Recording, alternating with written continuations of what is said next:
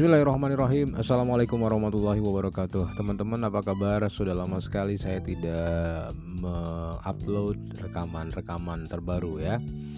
Tapi Alhamdulillah setelah sekian lama, setelah sekian purnama Kemudian ada semangat lagi untuk berbagi kepada teman-teman sekalian Di rekaman-rekaman yang mungkin bermanfaat ini Saudara sekalian, teman-teman yang dimuliakan Allah, para remaja, para pemuda, siapa pun yang menyimak rekaman ini, pernahkah kita mengambil satu pelajaran dari pensil?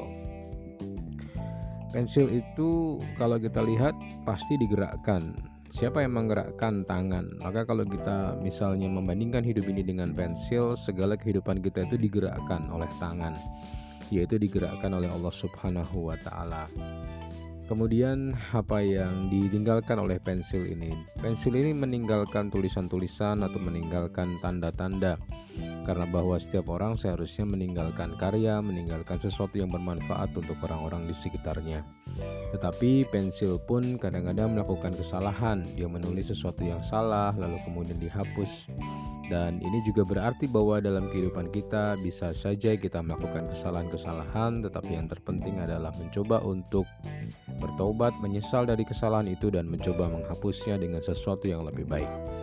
Dan pensil itu kalau kita lihat tidak cuma pada aspek kayunya saja, tapi justru yang paling penting dari pensil adalah uh, isinya yang hitam-hitam itu. Ya, manusia pun juga seperti itu, tidak hanya dilihat pada aspek penampilannya saja, tapi yang terpenting adalah jiwa yang ada di dalam dirinya. Sejauh mana dia mengcreate sesuatu pada dirinya sehingga memunculkan satu hal yang bermanfaat untuk orang-orang di sekitarnya.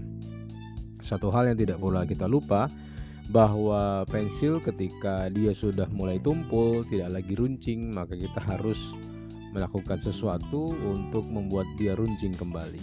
Hidup kita pun juga seperti itu, kadang mengalami kesulitan, mengalami kesedihan, kepedihan, mengalami kesengsaraan, mengalami hal-hal uh, yang berat dalam rangka untuk membuat kita lebih runcing daripada sebelumnya. Ya, kalau kita merasa sudah tumpul, maka kita harus melakukan sesuatu agar kita menjadi lebih hebat, lebih bagus, lebih bermanfaat, lebih berpotensi untuk kehidupan kita di masa yang akan datang.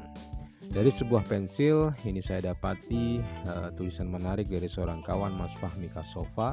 Dari sinilah kemudian kita mengerti dan memahami bahwa apa yang kita lakukan sekarang adalah bagian dari upaya kita untuk menjadi pribadi yang lebih bermanfaat untuk kehidupan kita di hari ini dan selanjutnya.